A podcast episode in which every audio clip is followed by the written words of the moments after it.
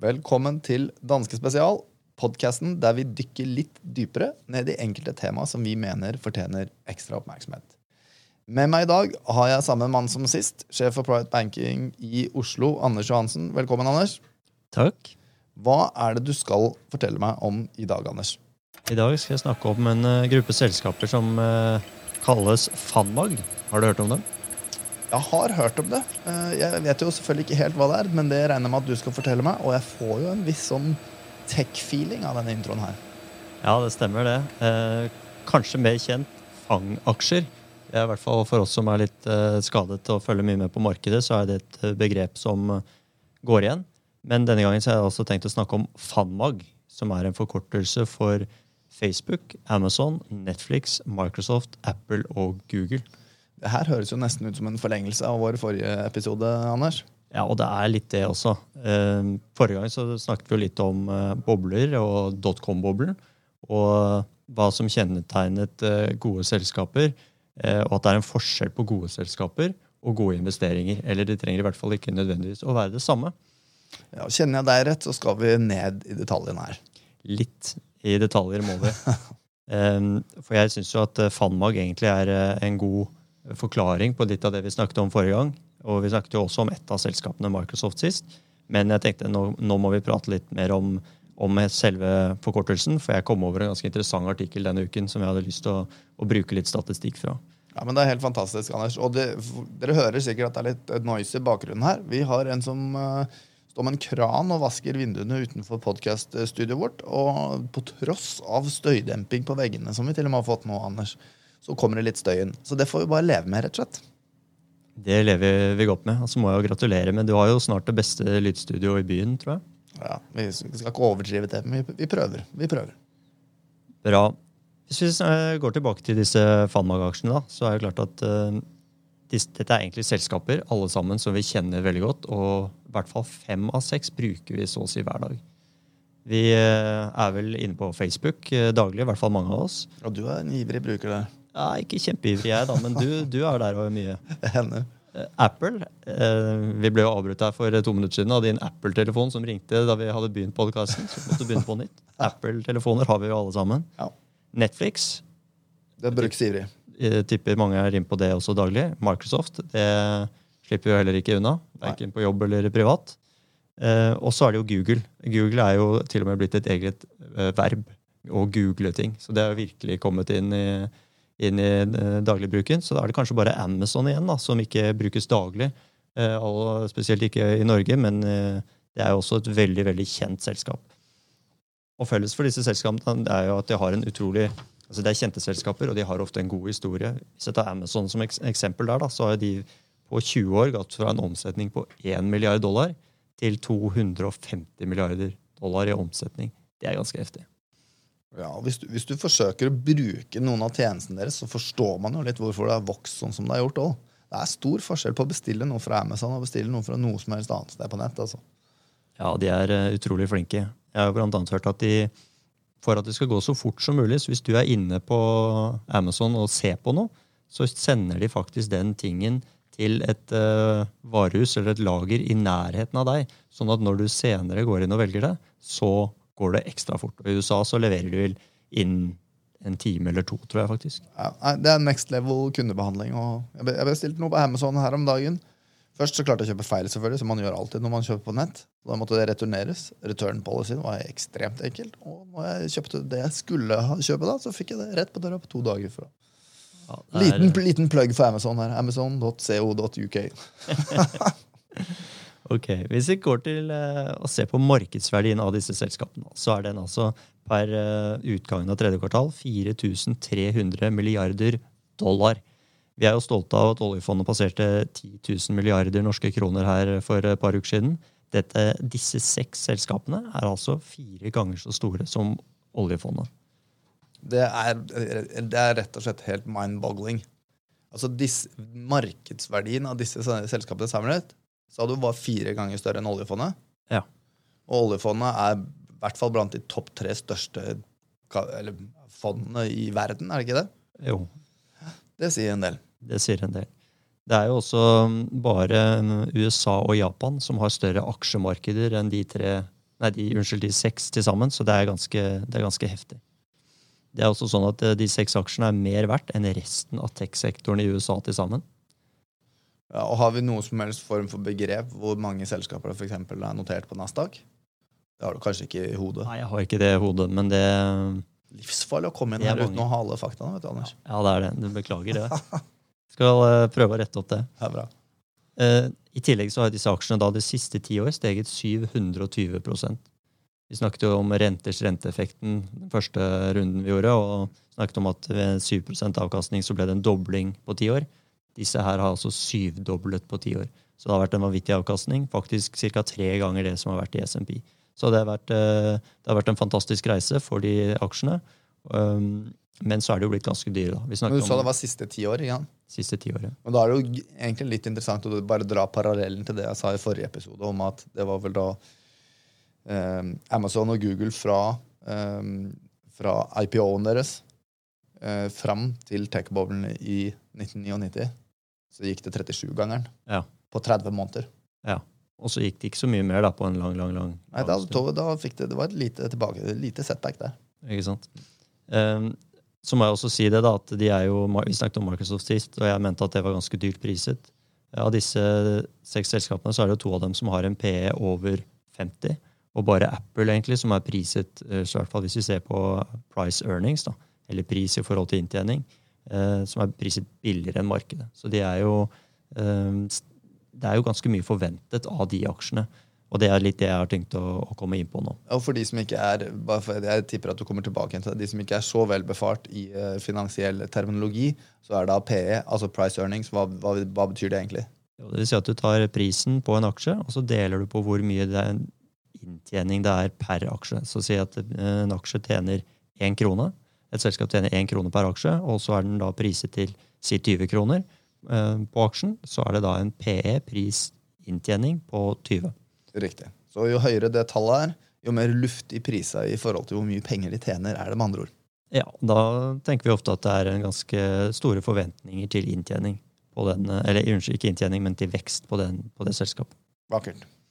Ok, Så det som eh, jeg kom over da, den eh, siste eh, For et par dager siden, som jeg gjorde at jeg hadde lyst til å snakke om dette, var jo et selskap i USA som hadde heter Research Affiliates. Så vi får jo gi dem en uh, Plugg. hat, hat tip, som vi kaller det på godt norsk, eh, for uh, bra tips. Men uh, de hadde jo da sett på ti største selskapene, om det er en indeks eller en sektor osv. Sett hvordan går det med dem videre. Og det syns jeg var veldig interessant, så jeg tenkte at ok, det, det er noe vi må prate om her også. Ofte så refereres da de ti største selskapene til top dogs. da, Så det, det er det vi omtaler dem som også. Og top dogs har da siste ti år underprestert eh, verdensindeksen med 9% i året. Slå den, da. De siste 40 år. Så hvis du da tar de hvert eh, eneste år, så har de da sett på de, hvilke er de ti største selskapene, så har de sett hvordan har det gått med dem i forhold til indeksen neste ti år. Og det er da 9% dårligere avkastning på de aksjene hvert år. Det er ganske, ganske heftig, syns jeg. Så ingen, eh, ingen systematisk god investeringsstrategi å bare gå for top dogs, da, med andre ord. Nei, det, tvert imot. I tillegg så er det sånn at åtte av ti selskaper har ikke vært på listen over top dogs neste ti år, eller om ti år, Historisk sett, selvfølgelig. historisk sett. Mm. Uh, og det har bare vært én gang at det som var det største selskapet for ti år siden, var det største selskapet også ti år senere. Så det er tydelig at det er ganske stor utskiftning blant disse, disse selskapene. Men jeg, jeg, jeg har tenkt litt over det der siden du fortalte meg at du skulle snakke om, om fanmag. Eh, Den, det, det er jo fristende på en måte å spise den argumentasjonen og tenke at nei, det her vil jeg ikke sitte på nå, basert på sånne type historiske eh, observasjoner som du kom med nå. ikke sant? Ja. Eh, Men den argumentasjonen hadde egentlig vært like god for fem år siden. hadde ikke vært det? Altså Poenget har vært like godt, men å gjøre noe basert på den argumentasjonen hadde jo ikke nødvendigvis vært bra de siste fem årene. Det er selvfølgelig, Da sitter jeg med virkeligheten i mine hender, da, som er veldig gunstig når man skal Ja, så antar du samtidig at det var de siden samme ti selskapene som Yes. er størst i dag, som var det for fem år siden. Og det tror jeg ikke det var. Nei, og det har du nok rett i. Det har vel fort uh, noe energi som var involvert der i større grad da enn det er nå. i hvert fall. Men ok, nei, Ja. men da stryker vi mitt poeng der. Ja. Det er jeg veldig glad for. Mm, det er bra. Det tenker jeg du liker. Ok. Så bare et par eh, til interessante ting til. da, For dette er jo, som du sikkert har lagt merke til, eh, ref. introen, er jo alle sammen tekstselskaper. Og da minner det jo litt om .com, egentlig. Og i, eh, nå er det sånn at hvis vi ser på globalt, alle disse er jo amerikanske, men hvis vi ser på globalt, så er det, kommer det et par andre inn. Alibaba og Tencent, som er kinesiske tech-selskaper, og så går jo Netflix ut. da. Men totalt sett er det faktisk syv av ti største selskapene globalt som er tech-selskaper. Og det er faktisk flere det enn det det var i 2000. Oi.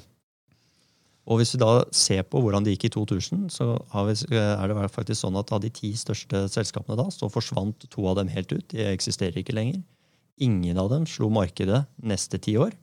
Eh, Og faktisk er det sånn at eh, snittet av dem har gitt 5% avkastning fra 2000 og frem til i dag. Så det har ikke vært noe kjempeinvestering, det heller. Men, men det er vel fair, fair å si også at tech er kommersialisert på en helt annen måte nå enn det det var i årtusenskiftet også.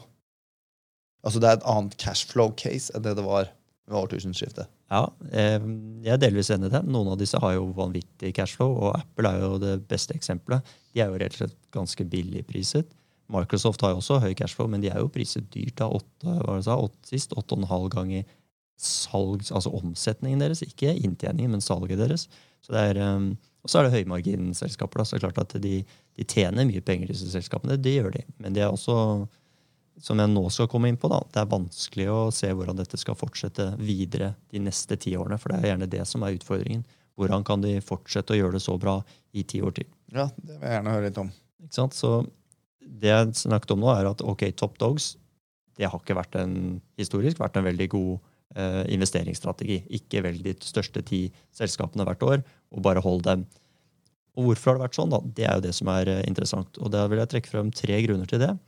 Det ene er at når de har en vanvittig suksess, som de jo typisk har for å komme dit, så blir det økt konkurranse. Og eh, det medfører ofte, eller ikke ofte, stort sett alltid, press på marginer.